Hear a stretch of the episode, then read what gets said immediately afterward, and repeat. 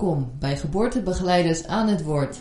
Leuk dat je er bent. Ik ga hier in gesprek met verloskundigen, gynaecologen, kraamverzorgenden, doula's, maar ook vadercoaches en meer. Om zo de kennis en inzichten van verschillende begeleiders rondom het geboorteproces te delen. Heb je iets aan deze gesprekken gehad? Steun dit initiatief door te delen, liken of een reactie achter te laten. Meer interviews vind je op geboortebegeleidersaanhetwoord.nl. Ik ben Sabine van Onselen, jouw host tijdens de interviews.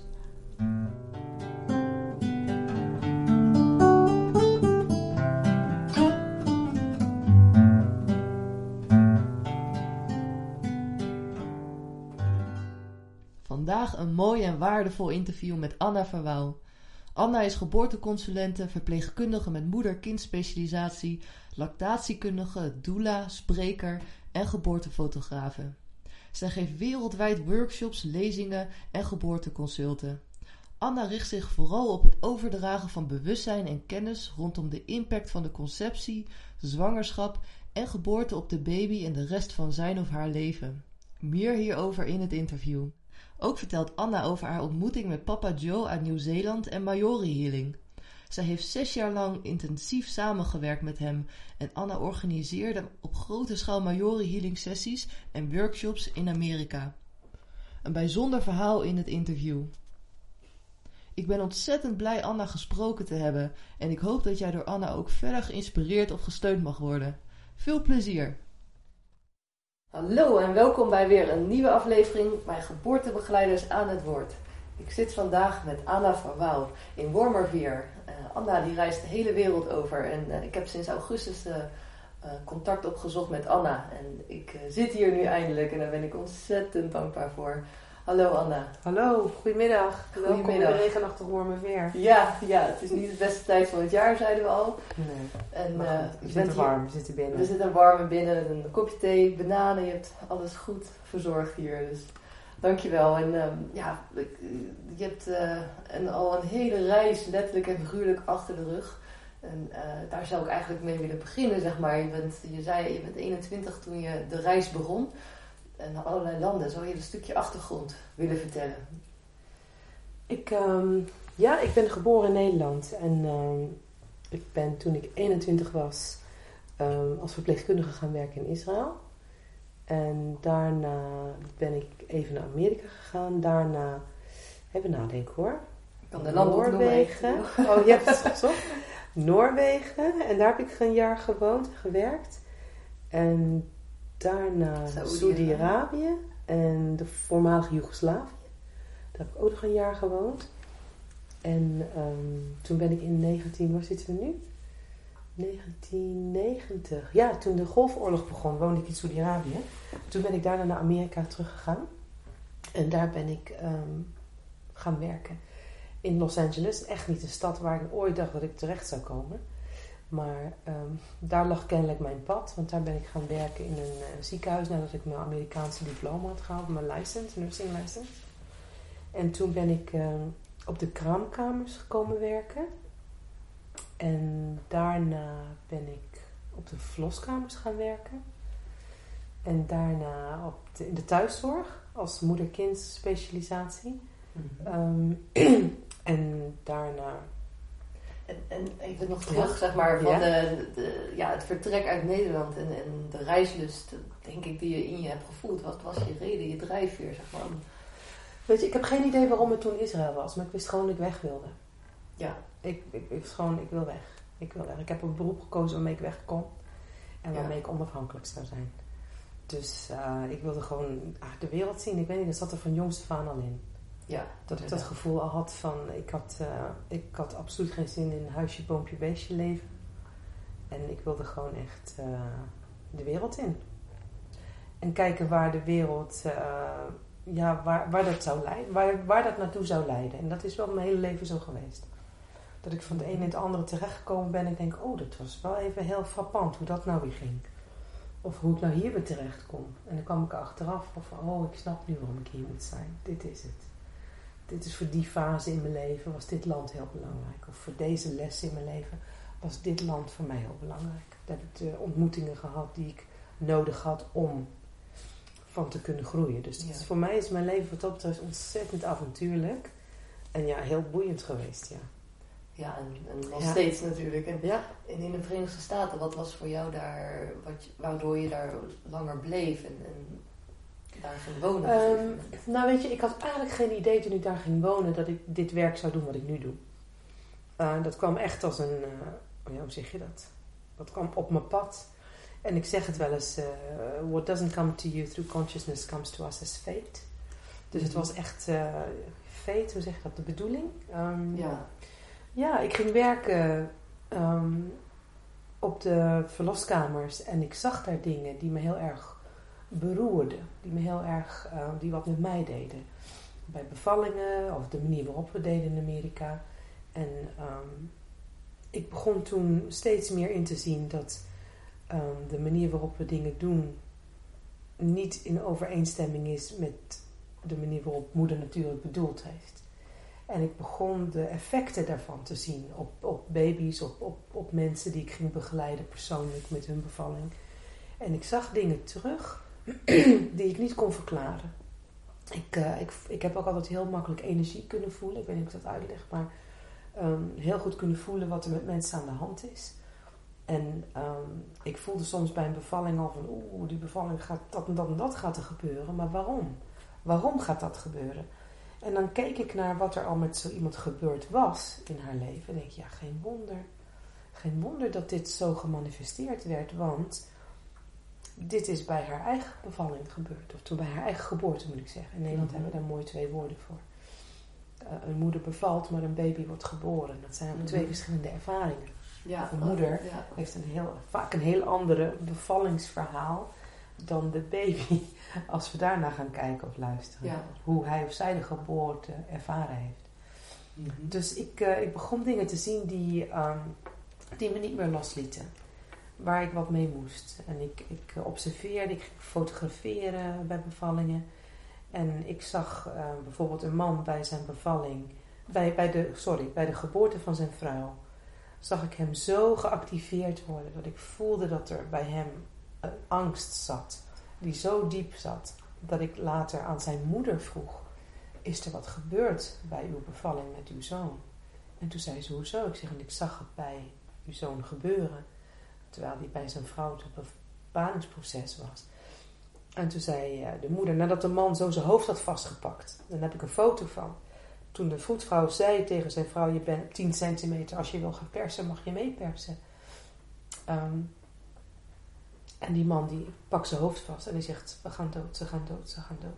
Dat fluisterde hij in het Engels. En ik keek ernaar en ik denk: Wow, wat is er met hem gebeurd? En toen ik met zijn moeder daarover sprak, ehm, vertelde ze mij dat ze toen ze 10 centimeter ontsluiting had, hebben ze de, de tang op zijn hoofdje gezet. En toch iets nog aangeraakt, iets kapot gemaakt, waardoor ze een hele grote bloeding heeft gehad. En bijna was doodgevloed. Dus dat was het cellulaire geheugen wat terugkwam bij deze man. Op het moment dat zijn vrouw hetzelfde aan het doen was. In hetzelfde moment. Ze mocht nu gaan persen.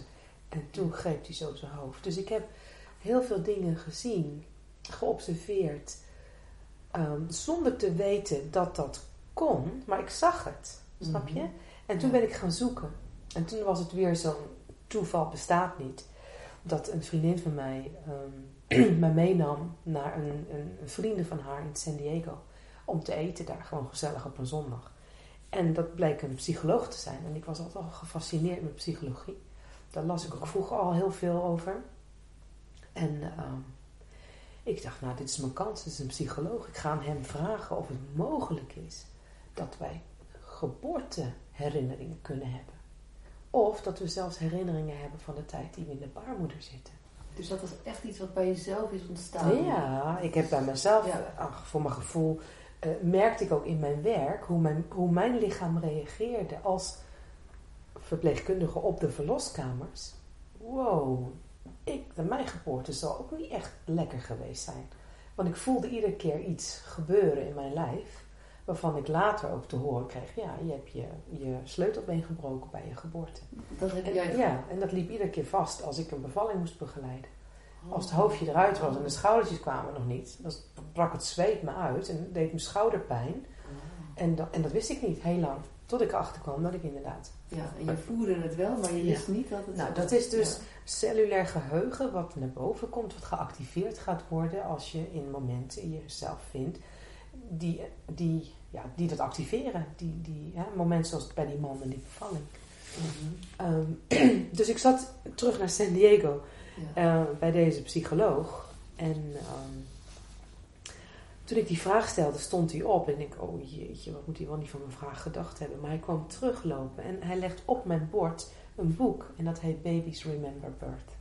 Oh, rillingen. En ik kreeg echt zo van, dat meen je niet. Dat me echt van tranen in mijn ogen. Hij zegt, ja, daar heb ik een boek over geschreven. Hij had dat Ja, hij, een had, boek. hij was eigenlijk, en hij was de, de founding father van de organisatie van pre- en perinatale psychologie in Amerika. En Zonder dat jij dat wist. Nee, ik wist het niet. Dus dat is dan de manier waarop het universum je leidt. Hè? En mijn leven is heel erg, heel veel zo gegaan.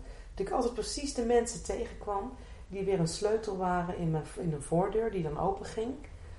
Wat mij dan bracht naar een groter stuk bewustzijn. Over een thema waar ik al interesse in had. Of over iets waarvan ik denk, wauw, dit, dit, die, die deur gaat nu wagenwijd open. Eens kijken wat er voor mij allemaal nog te leren valt. Weet je, dus ik ben toen gelijk lid geworden van die organisatie. Ja, En ik was een van de jongste leden toen, dat is een jaar of 25 geleden. de. Ja, ja, APP, die Association of Pre- and Perinatal Psychology and Health. En ik weet ook nog zo goed dat ik de eerste conferentie naartoe ging. Die was al een maand later, dus dat was ook heel mooi.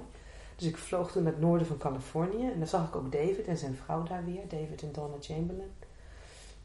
En ehm, dat was drie dagen lang. Werd er alleen maar gesproken over dit onderwerp. Nou, ik had het gevoel dat ik mijn tribe gevonden had. Want ik heb best wel heel lang me heel eenzaam gevoeld in het ziekenhuis. Ehm, want ik had wel bewustzijn, of ik voelde wel wat er gebeurde met mensen eh, in een bevalling, of wanneer het niet goed ging, of eh, het babytje, wat er met het babytje allemaal gebeurde. Maar ik, ik had niet veel collega's waar ik ermee over kon praten, want ja, zo werkten we gewoon, zo doe je de dingen in een ziekenhuis, snap je? Mhm.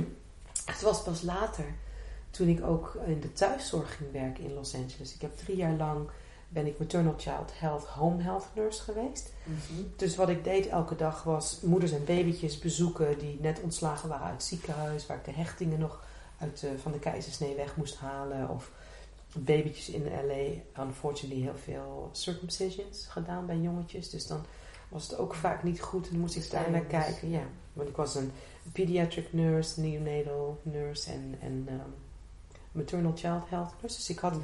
kleine patiëntjes, grote patiëntjes, maar vooral veel baby's die vroeg ontslagen werden na een bevalling in Amerika. Ging je binnen 24 uur naar huis na een gewone bevalling en binnen 7, 72 uur na een keizersnee. Dus er was nog best wel een hoop te doen bij die vrouwen thuis. Dus ik werd als verpleegkundige dan naar hun st- gestuurd om te kijken, gaat het wel goed met ze? Nou, en ik zag zoveel ellende. Mhm. En zoveel dingen die er gebeurd waren bij een bevalling, waar ik jaren zelf ook al meegewerkt had. Maar nu zag ik een beetje de meer langdurige gevolgen van het. Maar Dan alleen nog maar in de eerste week. Hè? Ja. En daarna, toen ik bij. Zoals, eh, ja? eh, zoals bijvoorbeeld, wat zag Nou, wat zag ik heel veel? Ik zag heel veel vrouwen die heel moeilijke verbinding konden maken met hun babytje. En dan ging je kijken naar waar, waar, waarom was het zo moeilijk voor hen? Waarom zie ik dat ze er zo mee struggelen? Uh, met borstvoeding geven bijvoorbeeld, wat heel moeilijk was. Um, en ik zag hoe meer de bevalling gemedicaliseerd was, hoe moeilijker het was voor een moeder om zich echt moeder te voelen. Ja? Um, moeders waarbij de baby's routinematig weggehaald werden, want dat gebeurde nog in die tijd. Hè? Moeders die een epiduraal hadden gehad, die een keisnee hadden gehad, die een hele pijnlijke um, ingeknipt zijn en dat heel pijn deed en daardoor zich niet makkelijk konden bewegen. Uh, vrouwen die naar huis gestuurd worden, want dat deden we in het ziekenhuis met zo'n heel leuk gekleurd tasje van Peter the Rabbit en er zaten allemaal dingen in voor, voor um, flessenvoeding. Je moest kijken hoe oh, onder, undermining een Ja. ziekenhuis is door dat dan mee te geven. Nou, als je het nou straks toch niet gaat redden, gebruik dan deze formula maar. Hè? Deze ja. flessenvoeding. Dus ik zag allemaal hoe dat allemaal in zijn werk ging. Ik denk, oh even, dit, dit, dit is niet goed. Die bevallingen, die, die, met die epiduralen en dan al die kindjes die geboren worden met een vacuümpomp. Ja. Ik zag daarin dat er een boosheid zat in die kindjes. Geklampte vuistjes hadden ze. Ze schreeuwden. Dat was een andere, andere huil die ik hoorde. Het was gewoon uh, moeilijk met die kindjes werk om ze aan te leggen. Die wilden niet aan de borst. Je kon ze niet bij het nekje pakken. Dus ik zag allerlei dingen. Waarvoor als er een craniosacraal therapeut zit te luisteren. Die zegt, ha, ja, natuurlijk. Maar weet je, dat wordt ons niet geleerd als je in de verloskunde werkt. Mm. Dat dat langdurige gevolgen, of dat dat gevolgen kunnen zijn van een, uh, een, een, nogal, hoe zeg je dat? Een, medische bevalling. Ja, kan je het in ja. Nederland is zo'n term, medische bevalling noemen? Dus ik, um, ik zag ook dat die kindjes boos waren en, en met een bewustzijn. Dat ik denk, ja, maar wat kunnen we voor die kinderen doen? Hè? En toen ik dus lid werd van, van APPA en um, begon te leren over wat het effect was van zo'n bevalling op een kind. Ja, dan denk ik van dat heb ik allemaal al gezien. Ik heb het allemaal gezien voordat ik ben gaan studeren, zeg maar. Snap je? dat is de beste manier. En dat was voor mij was het ook echt zo van, wauw, ik had al de antwoorden al gezien en nu had ik eindelijk een plek waar ik met mijn vragen naartoe kon komen. Ja. Van, maar hoe zit het dan? Want ik heb dit en dat gezien. Ja, natuurlijk is dat zo, Anna, zeiden ze dan. Dus dat waren de, de giants in de pre-perinatal psychology. Ja, dat was William Emerson en, nou, ik weet niet, Bob Oliver, Thomas Verney, Michel Odan. We hadden zoveel van die, echt die giants die daar kwamen. We hadden Jane Leadlove, die sprak, die dat hele mooie boek heeft geschreven. Uh, Continuum Concept. Um, nou, noem maar op. En daar, daar, weet je, ik liep er dan als een jong meisje, want ik was in de twintig toen, hè liep ik daar tussen die, die mensen die allemaal hun eigen boeken geschreven hadden, die je ook nergens kon kopen. Want we hadden dan een eigen, Appa had dan een eigen boekwinkeltje, zeg maar, waar iedereen zijn eigen boeken verkocht. Nou, ik ging vaak met een, met een, een koffer vol boeken terug, vloog ik naar L.A. Om al die boeken te lezen, die, die verder nergens nog te koop waren. Wow. Ja. Dus het was voor mij een, een wereld zo vol, vol um, ja, aha. Het ene aha-moment naar het andere. Het lijkt me ook wel frustrerend eh, aan de ene andere kant, zeg maar. Dat je zoveel weet en zoveel ziet en zoveel lijden om je heen. En, ja. Ja. ja. Maar weet je, dat is dan ook weer, dat heb ik wel geleerd intussen. Dat is dan een onderdeel van, dat was een onderdeel van mijn eigen proces om dan weer iets anders te gaan doen. Snap je? Naarmate ik meer bewust werd van dat de manier waarop een baby geboren werd, van levenslange um, belang is. En dat we die geboorteervaring onthouden. Niet alleen cellulair, maar ja, die onthouden we in ons lichaam. En um, dat dat patronen creëert die we kunnen herkennen later in een mensenleven. Mm -hmm. Toen dacht ik van, ik kan niet meer deel uitmaken van de groep mensen die eraan bijdraagt vanuit hun onweten om dit te veroorzaken. Ik moet nu hier weg en iets gaan doen om dit te helpen voorkomen. Mhm. Dus wat ik ook gezien heb inmiddels, is dat er groepen mensen zijn nu die vanuit hun eigen verwonding, vanuit hun eigen imprint, vanuit hun eigen, ja, noem ik wounded healer archetype, zijn ze geworden wie ze geworden zijn. En zijn ze professioneel gaan doen wat ze nu doen. En dat is heel belangrijk, want we zijn nog met heel veel mensen die toch op een bepaalde manier onderweg een beetje wondjes hebben opgelopen die geheel dienen te worden. Mm. En die geheel dienen te worden door mensen die er specifiek voor zijn opgeleid, maar ook hun eigen ervaringen mee hebben gekregen, die aan kunnen voelen: dit heb jij nodig. En dat is zoals we weer helen. En nou, we hadden het voor het interview ook over de begeleiders. Um, dat je heel erg naar streeft om hen bewust te laten worden van hun eigen geboorte. Ja. ja. Want dat, dat, dat merk ik nu, dat dat zo belangrijk is. Ehm, dat de mensen die in dit vakgebied werken, niet opgeleid worden. In wat voor opleiding je ook doet. Of je nou gynaecoloog wordt, je wordt verloskundige, of je noemt jezelf voetvrouw. Ehm, je werkt op de verpleegkamers hè, als verpleegkundige. Je werkt in de kraam als kraamverpleegkundige je werkt als doula, omdat je een passie hebt om iets te helen voor anderen. Je wil iets voorkomen dat het fout gaat bij anderen. Laten we eerst allemaal eens gaan kijken naar wat is er met onszelf gebeurd. Waar komt deze drang en motivatie vandaan om dit te willen veranderen. Snap je dat? Mhm. Maar de meeste mensen werken waar ze werken zonder te beseffen dat ze daar in hun eigen stukje ook erg diep geraakt zijn ooit. Mhm. En is de manier waarop de ziel op jouw pad brengt wat je nodig hebt om te transformeren, om te helen. Snap je? Mhm. En ik heb nu inmiddels dat ik denk van, ja, maar over geboortepatronen praten. Wat doet een vacuümbevalling voor zo'n kindje? Een geboorte met een vacuümpomp. Wat zien we later als patronen? Dat zou je eigenlijk moeten meegeven al aan de ouders. Hè? Dat, dit is een, een ervaring geweest die misschien maar een paar minuten geduurd heeft. Maar als jij dat toch op een hele, ja, een, een vacuümbevalling is niet echt fijn voor een baby. Dat is een pijnlijke ervaring vaak. Ehm en dan heb ik de vacuüms natuurlijk in Nederland niet echt gezien gebeuren, maar in Amerika heb ik er jarenlang naast gestaan.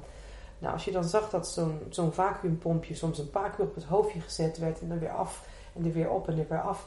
Daar zijn er geloof ik wel regels voor in Nederland dat dat niet eens mag. Maar ehm, als je dan zo'n zo'n babytje geboren zag worden, zag je gewoon de paniek op zo'n op zo'n. En, en het doet ook pijn. Het is ook lichamelijk pijnlijk. We zien dat mensen die zo'n bevalling gehad hebben, vaak nog met, met nek, schouder en halsklachten, hoofdpijnen. Als ze st- stress voelen in het leven, dan is dat het stukje in hun lichaam waar het weer op gaat spelen. Ja? Mhm. Uh, we zien wel dat mensen die er op die manier uitgetrokken zijn, het ook vaak moeilijk vinden om zelf dingen af te maken in hun leven. En als je dan inderdaad hulp gaat bieden, of je ziet dat ze dus een beetje aan het struggelen zijn je wil wat hulp, dan vertrouwen ze niet degene die de hulp kon bieden. Dan heb je zo een wegwezen, want hun eerste herinnering daarover deed pijn. Snap je dat? Mhm. Dus zo zijn er heel veel verschillende ehm, eh, patronen die, we, die ze in de pre- en perinatale psychologie hebben, hebben ge- he- gezien, of hoe noemen we dat, erkend. Mhm. Ja. Eh, door 40 jaar lang te kijken naar zoveel mensen die dus die ervaringen meegemaakt hebben. En dan hebben ze kunnen zien dat er eh, bepaalde dingen te herkennen zijn. Mensen die geboren zijn met een keizersnee hebben bepaalde patronen die erg similar zijn. Ja, in, in, in hoe ze zich gedragen in het leven. Zoals? We zien, eh, nou, zoals bij mensen die met een keizersnee geboren zijn, dan moet je wel kijken naar ehm, wat de reden was voor een keizersnee. Want er, er zijn mensen die eh, met deze patronen nu in Nederland een beetje aan het spelen zijn. En, ehm, en ik denk van ja, mis je dan niet de, diepgang die wel heel erg noodzakelijk is om echt mensen te kunnen helpen. Ehm, als je geboren wordt met een keizersnee omdat jouw moeder vast kwam te zitten, hè, halverwege haar, haar ehm, halverwege de bevalling, dan kan het natuurlijk heel bevrijdend zijn om er dan toch uit te kunnen. Maar je hebt wel dat we zien dat die mensen ook heel veel moeite hebben met iets uit zichzelf afmaken. Want als je onder druk komt te staan, dan kom je eruit. Uh, we zien dat mensen die met een keizersnee geboren zijn, um, als er helemaal geen weeën waren en het was gewoon een geplande keizersnee, dat, dat, het is heel obtrusive. Snap je dat? Je zit in jouw eigen environment. Je mag niet kiezen wat jouw geboortedag is, wat eigenlijk een babytje zelf zou moeten kiezen. Mhm. Hè? Dat is dan helemaal er lichamelijk klaar voor om geboren te worden. Die zet dat dan in gang. Nee, wij bepalen die datum kom je eruit. De voordeur gaat ineens open en je wordt eruit getrokken. Ja. En dan gebeurt er nogal wat hè, met je. Uh, je. Je kan toch niet gelijk naar je moeder vaak? Nou, zijn we wel in Nederland bezig om dat te veranderen. En we maken het de, de, de, de babyvriendelijke keizersnee. Ja, Ja. Wat voor woord we er ook aan geven. Het blijft natuurlijk nog steeds een goed. hele Ja. grote abdominale operatie. eh, waarbij toch meestal de baby's gescheiden worden ook van hun moeder. Hè? Mhm. Um, dus we zien gewoon in de kinderen die bepaalde bevallingen, uh, geboortes gehad hebben, een, een thematiek die later terugkomt in hun leven. Mhm. En wat je zou moeten werken. Als je, uh, laat ik een, een wat makkelijker voorbeeld misschien geven. Um, sorry voor mijn verkouden stem trouwens. Um, als je geboren wordt en je hebt heel erg strak de navelstreng om je halsje gehad, hoe denk je dat dat voelt? Ja, benauwend inderdaad. Heel benauwend, ja. Op zo'n manier benauwend dat het wel eens iemand tegen kan houden om gewoon stappen vooruit te durven nemen. Ik had gisteren zat ik een, een, had ik een hele studiedag voor een groep haptonomen in Nederland. En er zat inderdaad een mevrouw achter in de zaal. Die had dat meegemaakt bij haar eigen geboorte. En toen ik de patronen liet zien op een slide, hè, van wat we zien bij kinderen die hele strakke omstrengeling gehad hebben. Toen zei ze, dat is één op alles. Ja, ik herken dat in alles.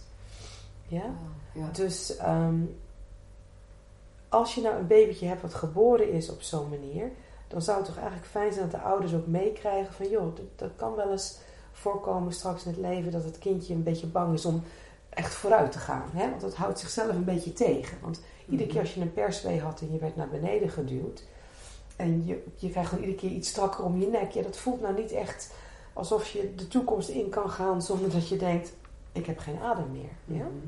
Ja, ja. Ehm, misschien een ander voorbeeld wat ik je kan geven is, ehm, waardoor het misschien voor de luisteraars wat makkelijker wordt, hoe, je, hoe dit naar voren kan komen. Ik, ik zat een keer in de taxi op weg naar Amsterdam, naar het Schiphol, nadat ik hier gewerkt had, een paar jaar geleden. En toen zag ik in de taxichauffeur, die was heel erg aan het rommelen met het knoopje. eh, en zijn stropdas. Want ik was het eerste ritje van hem, het was heel vroeg. En ik zat zo te kijken en denk, oh, die doet het bovenste knoopje niet dicht. Maar die verdoezelt dat met een beetje een losse strik van zijn stropdas. Mhm. En hij vraagt zo, oh, gaat u op vakantie mevrouw? Ik zeg, nee, ik ga naar huis. Ik was hier voor mijn werk. Oh, oh wat voor werk doet u dan? Nou, ik eh, spreek over de langdurige gevolgen van de conceptie, baarmoeder en geboorteervaring op een mensenleven. Zo, zei hij, zo. En toen keek hij zo eens naar me. Want de meeste mensen die glaze over, die, oh, Ja. nou ja, oh, nou, Ja. oh, ja. Oh, me too. Maar goed. Ehm, hij was heel erg eh, gefascineerd erdoor. En hij zei, nou moet ik het u eens wat zeggen. Want ehm, bij mijn geboorte was ik volgens mijn moeder helemaal hartstikke paars. Ik ben helemaal paars geboren. Ik was bijna meer dood dan levend. Toen zei ik, dat dacht ik al wel. En toen zei hij, hoezo dan? Ik zeg, want u, kan er niet tegen om dat knoopje dicht te doen hier. Dat is heel typerend voor mensen die een hele strakke omstrengeling gehad hebben. Die houden niet van om dingen strak om de nek te hebben. Wow. Nou, zegt hij, nee, volgens mijn moeder had ik dat koord drie keer om mijn nek. Ik denk, ja, ik denk, hoe denk je dat dat gevoeld heeft? Ja, ja, ja. Ik zeg, iedere keer als je naar voren gedrukt werd, Mhm. dan had je het gevoel dat je eh, Ja, geen lucht kreeg. Geen zuurstof, want dat kwam gewoon even dan niet binnen, hè? Nee. Nou, En toen zei hij, nou mevrouw, ik heb daar zo'n last van. Ik heb dat nooit beseft dat het zo... Hij zegt, maar dan moet ik nog eens wat zeggen. Over twee weken gaat mijn dochter trouwen. En mijn dochter heeft al gezegd, pa, als je met mij aan de arm naar het altaar loopt, dan moet je wel die knoop dicht doen en dat vrindenstrikje. Heel strak, heel mooi, chic. En hij zegt, mevrouw, u zal het dan wel begrijpen, ik ben nu al panisch. Want ik ben als de dood, en als ik straks met haar hè, naar het altaar loop, naar waar die man staat, dat ik dan hartstikke onderuit ga, dat ik flauw val. Want ik, ik, weet, ik breek al het zweet als ik denk. En toen denk ik van ja, en ik, ik geloof ook zeker dat het zou gebeuren met zo iemand die die ervaring heeft, als die niet begrepen had waar het om ging. Snap je? Mhm. Dus in dat hele korte taxiritje naar Schiphol kon ik hem zeggen: luister, bedenk wel, pak een sjaaltje uit de kast van je vrouw en ga met dat sjaaltje een beetje oefenen. Doe dat om je hals en neem een stap naar voren. En iedere keer als je een stap naar voren neemt, haal dan het sjaaltje los. In plaats van strak, doe dan dit, dat je kan ademen. En dan doe je weer een stap naar voren en dan, en dan doe je het weer even wat strakker. En dan doe je iedere keer, ik zeg nou, dat is misschien al genoeg om voor jou straks over een paar weken met die dochter van je naar het altaar te lopen. Denk, want wat denk je dat dat pad naar het altaar symboliseert voor jou? Oh, ja. Zo. Ja? Dat is had gewoon het geboortekanaal. onthouden, dit uh, taxiritje, denk ik. Uh. Ja. Dus dat was voor mij ook weer zo'n ongelooflijk boeiend voorwerp, oh, oh, oh, nee, Ja. onderwerp. Nee, voorbeeld, sorry, dat is Ja. het juiste woord. Dat ik zag, nou is er een man van in de zestig. Die zijn hele leven lang last Ja. heeft gehad. Van het feit dat die navelstreng bijna, hè, ehm, die omstrengeling, dat het hem ja, bijna zijn leven gekost heeft. Dat, zo voelde hij dat, zo ervaarde hij dat. Dat zei hij ook. Ik was helemaal blij, helemaal paars toen ik geboren werd. Ehm, nou ja, dan zie je wat je met een beetje bewustzijn al kunt veranderen. Er zijn natuurlijk heel veel andere ehm, geboortetrauma die, die echt ook lichamelijk werk nodig hebben. Craniosacraal of osteopathie of wat dan maar ook. Ehm, het heel belangrijk is babymassage, is heel belangrijk voor kleintjes. Maar wat er meer moet komen is bewustzijn op het feit dat baby's bewust zijn van wat er met hen gebeurt Mhm. gedurende een bevalling. Heel bijzonder. Ja, en ik denk dat dat gewoon bij de mensen die dit werk doen, er nog niet genoeg is. Maar als je dan mensen een bewustzijn kan geven over wat er met hen gebeurd is zelf, ja, dan gaan ze misschien wat meer kijken naar, oeh, nou, dan voel ik eens wat voor effect dat op mij gehad heeft. Ik was een keer in Slovenië op een academie, moest ik lesgeven aan, ehm, op de Universiteit van Ljubljana aan studentartsen. Hoe noem je dat? Ook- residents, ja. ja. En, eh, en, en student eh, verloskundige daar. En daar had ik ook alle patronen besproken met ze. En ik had vertalers natuurlijk, want ik spreek geen Sloveens. Dus alles werd simultaneously translated. En die translators die stonden in de rij om naar het toilet te gaan. En die kwamen later op de dag naar mij terug. Ze zeiden, nou, wij moeten veel lezingen translaten hè, voor buitenlandse sprekers. Maar wat we nu allemaal hoorden toen we in de rij stonden om op het toilet te wachten, waren de verhalen van de studentartsen zelf. Die zeiden, och, maar nou begrijp ik waarom ik iedere keer bij een bevalling zuurstof geef aan zo'n baby. Ik geef altijd zuurstof aan een baby. En nu bedenk ik me eigenlijk dat ik helemaal niet altijd zuurstof hoef te geven. Maar ik had zuurstof nodig toen ik geboren was. Want ik heb het bijna niet gered. Ik moest gereanimeerd worden. Dus hij zegt, ik grijp automatisch altijd naar de zuurstof. En nu ga ik er eens wat meer op letten of dat wel eigenlijk noodzakelijk is. Waar kwam dat vandaan? En dat besef ging toen een beetje dalen in die groep met, met artsen en, en ehm, hè, die in de gynaecologie gingen werken. Zo, is allemaal, het raakt bij mensen zonder Ja. dat je dat eh, Ja. bewust Ja, opzoekt. Het is iets wat echt naar je toe komt en ja. het, dat- ja, ongelooflijk. Dus dat, ik, ik denk dat het ook een stukje is wat er op een opleiding, dat ze hier meer naar moeten kijken. Er wordt namelijk nergens op een opleiding gesproken over bewustzijn van baby's. En dan was er niet lang geleden een, ehm, een artikel verschenen ook dat iemand doorstuurde naar mij over dat we ook in Nederland tot in, in de negentiger jaren baby's opereerden zonder ze te verdoven. Tijdens de operatie. We gaven alleen spierverslappers waardoor ze niet konden bewegen. Nou, moet je eens Ja. nagaan wat dat heeft gedaan met mensen. En als ik dan nu op de volwassen mensen werk, die dat als baby hebben ondergaan, Ja. dan wil je niet weten hoe dat hun leven bepaald heeft. Niet goed tegen aanraking kunnen. Hè, ehm, kindertjes, de- als ze klein waren, in een couveuse gelegen hebben. Moet je nagaan wat een couveuse babytje meemaakt. Aan continue prikkels, herrie, geluid, licht. Weken achter elkaar door vaak. Ja, ze Ja? liet ook de lichten aan eh, altijd. Toen- toen wel, ja. En nu hebben we gelukkig door iemand zoals Nick Conneman, die geweldige neonatoloog, ja, hè, ehm, veel meer bewustzijn gekregen op het feit dat we, dat we daar eh, helemaal verkeerd mee bezig waren. Die baby's die onthouden dat wat er met hen gebeurd is. Hè? En niet alleen onthouden ze het, ze voelden ook de pijn. Elke procedure die we doen met zo'n kindje, dat voelen ze. Dus moet je nagaan wat dat later in het leven met jou doet. Ja, hij Ja. is zelf ook eh, eh, te vroeg geboren, als ik het goed herinner. Of, Nou ja, snap je dan dat het ook ja. weer zo mooi is dat als dat inderdaad zo is, waarom hij het werk doet wat hij doet.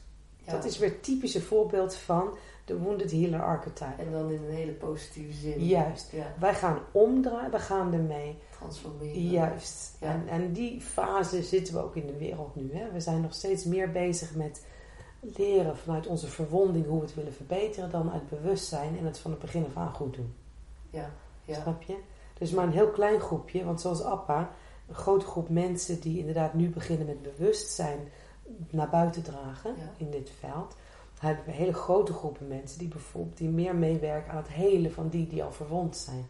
En dat heb ik heel lang ook gedaan. Tot ik op een gegeven moment voelde, ik wil niet meer helpen aan het helen en, en een gebroken mens geboren laten worden. Ik wil hele, een heel mens de wereld opzetten. Ja. Hoe doen we dat?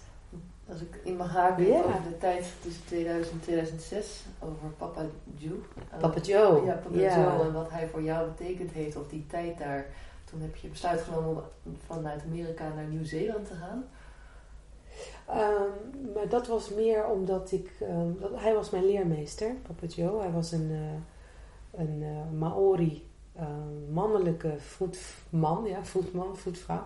Mhm. Ehm, maar meer een, een, ja, een indigenous, hè? niet een officieel opgeleide. Maar hij had een kennis en een, en een ehm, inzicht en een helingcapaciteit. Dat is echt gigantisch. Dus ik heb heel lang met hem samen mogen werken. Ehm, Mhm, dat, hoe was dat hoe was? Ja, voor mij was het een soort thuiskomen, denk ik. Want voor mij was het iemand die mij liet zien dat heling heel anders is dan hoe we het normaal gesproken doen, zeg maar. En dat we. ehm, ja, wanneer zag ik het? Vooral bij heel veel stellen die naar ons toe kwamen die niet zwanger konden raken, zeg maar Mhm. die ehm, met een ontzettende kinderwens liepen, al heel veel IVF-pogingen gedaan hadden, die in Amerika 15.000 dollar per poging waren. Ehm, dus die hadden ook gewoon het geld er niet meer voor.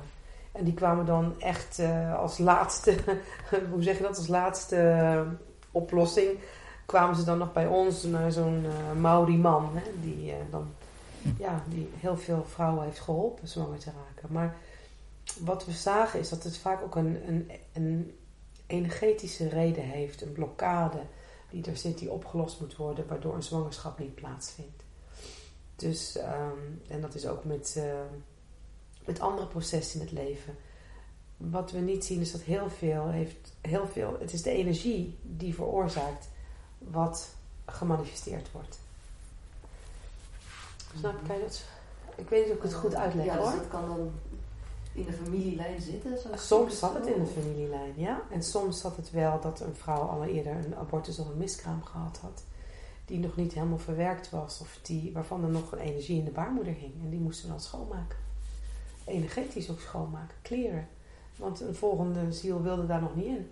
Ja, want er, daar, dat was nog niet af. En dat zijn gewoon dingen waar we in onze cultuur eigenlijk minder rekening mee houden. Hè? Ja. Dat het heel belangrijk is dat je dat schoonmaakt. ehm, ja, dat je, dat, ehm, dat je daarmee aan de slag gaat. Dus we hebben heel veel mensen kunnen behandelen die ehm, daarna ook zwanger geworden zijn. Bijzonder, ja. En Hoe, wat is de benaderingswijze van de Majoris conceptie, zwangerschap, geboorte? nou, als ik dan kijk naar wat zijn benaderingswijze was, dan gebeurde er heel veel niet in deze realm. In deze, ehm, als, eh, soms dan hield hij het hoofd van de vrouw vast nadat hij lichamelijk op haar gewerkt had. En dan zag ik dat hij heel ver ging reizen, zeg maar. En dan, ja, wat hij dan achteraf zei is, ik ben een kindje heel ver gaan halen. En ik heb het wat dichter bij haar gebracht. Dichter in deze realiteit. En dan was het ook wel dat hij, ehm, dat hij dan wel zei als vrouwen binnenkwamen, of als we een behandeling gedaan hebben, van nou, nog twee cyclussen en dan is ze zwanger. Of eh, die vrouw, eh, oh, die kwam de deur binnen, en waar komt die voor? Ja, die kon niet zwanger raken. Nou, die is twee dagen geleden zwanger. Ik, dat zie ik, die is zwanger. Dus ga jij het vertellen of doe ik het? Zo, zo, Ja. Zo'n leermeester was dat. Zo'n eh, ongelooflijk mooie. ja, ik weet, niet, ik weet niet hoe je het moet noemen, maar Ja, hij was mentor. all-knowing, all-seeing. Ja, hij, hij, ehm, ja, hij heeft ontzettend veel mooi werk gedaan. Jaren. shamaan, zou je daar...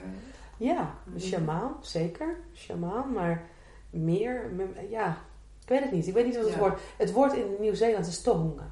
Tohunga is wat hij was. Hij was een tohunga. En een tohunga is iemand die een, een seer, knower, een master. Master in zijn Mhm. craft. Maar het was op heel veel niveaus dat hij een master was. Bijzonder dat hij ook weer op jouw pad is gekomen. Ja, nou dat was wel, ehm, ja, dat, dat was wel ehm, wonderbaarlijk. Want toen ik in het ziekenhuis dan een beetje beu was en ook merkte dat ik op een andere manier met mensen wilde werken in het leven, ehm, heb ik dat ook een keer, ehm, heb ik het ook ja, gezegd van hé hey, universum luister. Wat ik merk is dat wij, we zijn kennis kwijt. We raken kennis kwijt op deze wereld. Ik had een boek gelezen, dat ging over indigenous people. En dat ging over de last person of the tribe. Dat er nog maar een tribe was met één iemand en die stierf dan uit. En waar gingen zij met hun kennis naartoe? Want er was niemand meer die aan de voeten zat bij de elders. En ik heb altijd zelf in mijn leven elders gemist. Een, een relatie Mhm. met elders. Want die kennen we niet zo in Nederland. Ja, Nee. opa en oma, maar niet... dat is niet een elder elder, snap je? Ja. En ik denk dat dat gewoon iets, want ze noemen mij ook gewoon hun, hun witte, hun witte Maori-zus, noemen ze me altijd. Ah, je bent onze witte Maori-zus. Want ze zeggen dat ik meer Maori ben dan sommige Maori's. Hè? Wat, wat de manier van leven betreft.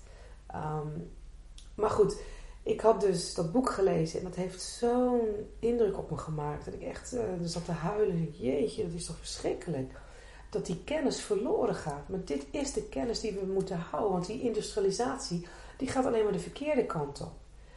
Waar zijn onze elders die, en ik zeg, lieve Heer, universum, als er iemand nodig is om die brug te vormen tussen die kennis en de westerse wereld, I volunteer for the job. Dat was gewoon mijn gebed. I volunteer for that job. Als die baan bestaat, dan wil ik hem. En daarna gaat mijn leven gewoon verder, een paar jaar.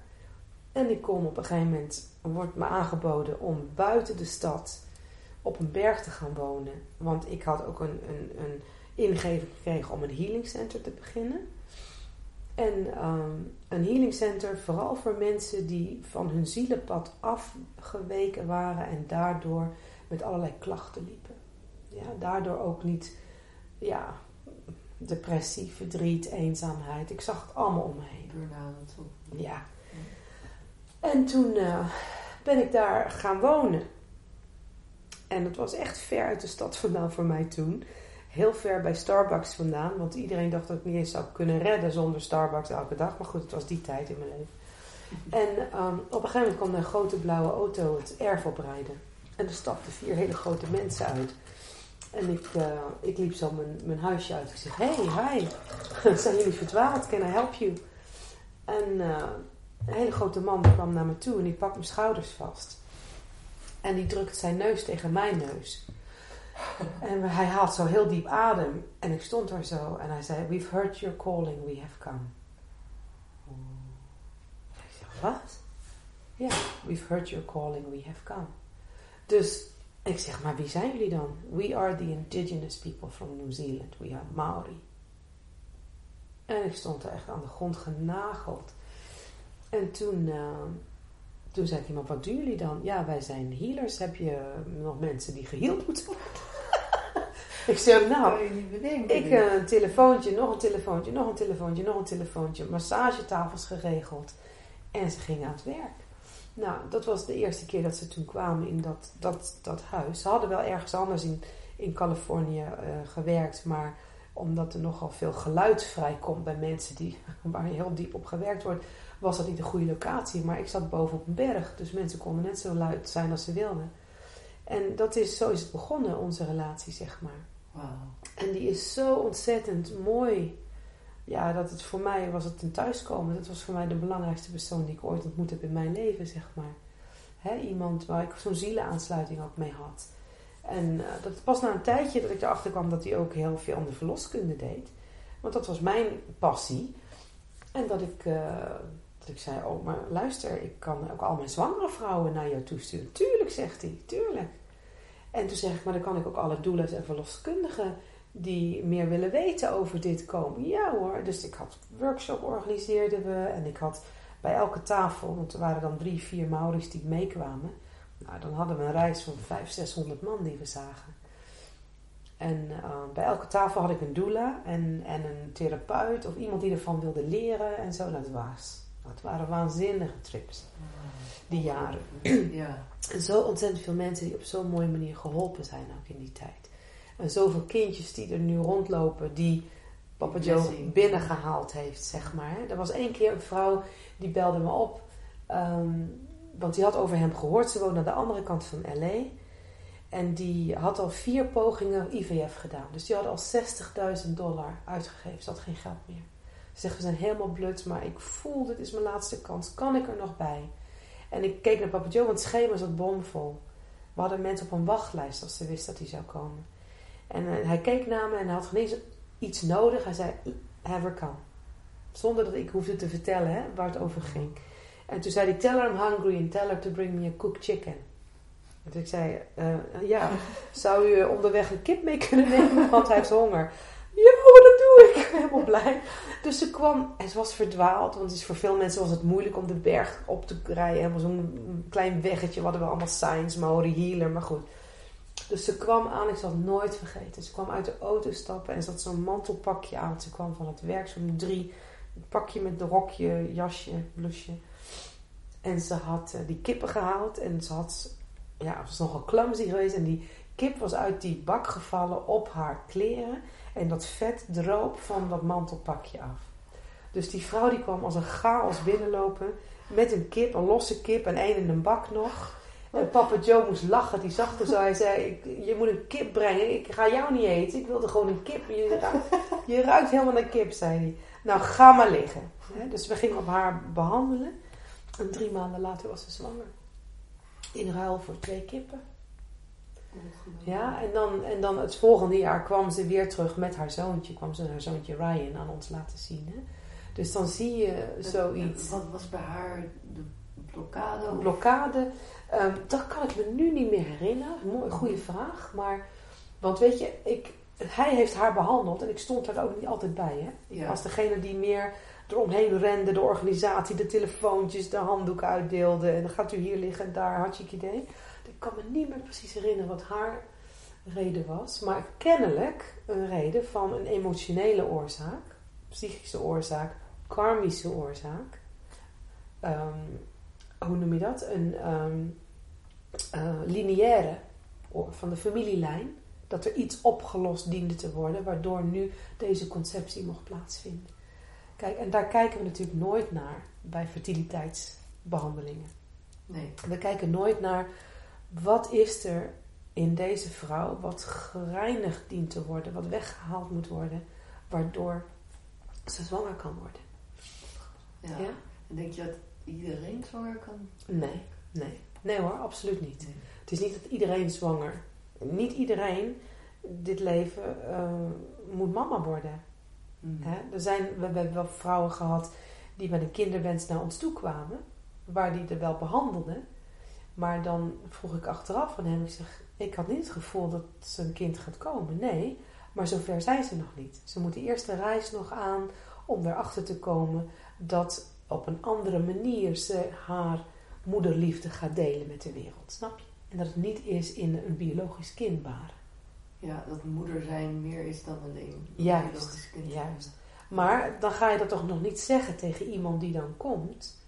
Want dan ontneem je hen ook de reis om daar zelf achter te komen. Snap je? Ja.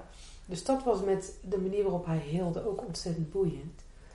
Om te zien en ook, ook na, na lang samenwerken voelde ik ook wel, hey. Dan zei hij, no, not yet. Dus een kind wat komt naar hun op een andere manier. En dan was het een adoptiekind wat ging komen. Maar dan was het die ziel die bij hen terecht moest komen. Snap je? Ja. Wauw. Ja. Ik denk dat je nog uh, heel vaak aan hem terugdenkt. Uh, hij is inderdaad helaas overleden ja. ja. in 2006. Maar ja. een enorme... Ja, die heeft wel een hele... Um, ja, zo'n invloed op mijn leven gehad dat ik daarna ook... Um, hoe moet ik het zeggen? Daarna ben ik meer zelf...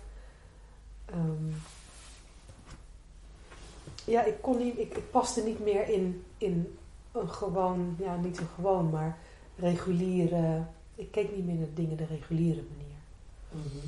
Ja? Ja. Ja, en toen is hij het pad begonnen. Ja. ja nou, hij zei ook, voordat hij overleed, zei hij ook van ja, um, hè, um, dat het mooi was dat ik de dingen heb kunnen doen om hem te helpen. Hè, bekendheid misschien niet zozeer, maar in Amerika meer um, zijn organisator geweest te zijn. Maar hij zei, um, je moet niet achter de, de heler gaan staan. Je moet zelf, zelf nu naar voren komen. Dat was wat hij zei. Het is nu de bedoeling dat je zelf je eigen pad gaat. En, en dat gaat doen waarvoor jij gekomen bent. Zo, en dat is daarna gaan ontstaan. Ja, dat is daarna wel begonnen. Ja. Dat ik meer mijn eigen pad ben gaan bewandelen. Ja, ja. dat hebben we inderdaad ja. kunnen zien. En, uh, wat is je droom de komende vijf jaar wat je nog wil verwezenlijken? Dat is een vraag die oh, wauw, wat een leuke vraag. een vraag die je niet graag stelt? Nee, die ik uh, graag, oh, die je graag stelt. Ja. Ehm, wat ik hoop, want ik ben een beetje moe van al het reizen. Ehm, ehm, mijn stem is ook moe, hè, want ik heb nu drie maanden lang achter elkaar gereisd en gepraat. Ja, wat ik normaal gesproken. ook. Ja, het is mijn laatste vraag. Oké, mijn stem is bijna weg. Ik wil ehm, eraan meewerken dat er op een meer creatieve manier dit stuk bewustzijn de wereld in gaat. Want ik ehm, zo reizen, dan, ik, ik, eh, hoe zeg je dat? Ik ehm, ontmoet niet genoeg mensen. Ik ontmoet wel mensen, zoals gisteren zitten misschien 40 mensen in de zaal, dat is geweldig. In België twee weken geleden of zo, hè, 250 voetvrouwen, geweldig. En daar kom ik ook voor. Maar ik wil dat dit mainstream gaat worden. Dat het niet alleen kleine uh, pockets zijn van informatie, maar dat mensen gewoon beseffen, als je een andere, eh, als je een kind de wereld op gaat zetten, moet je je daarop voorbereiden. En hoe bereid je je daarop voor? Wat doe je? En hoe bereid je je lichamelijk, emotioneel, spiritueel, geestelijk? Kijk dan eerst in de rugzak die je meegekregen hebt van jouw ouders, en, zodat je dat niet doorgeeft aan jouw kinderen. Ga er met veel meer bewustzijn mee om. Dus ik wil plekken creëren op deze wereld waar daarin onderwezen kan worden. Waar mensen naartoe kunnen komen die hulp zoeken voor de voorbereiding om zo bewust mogelijk een nieuwe ziel naar de aarde te halen.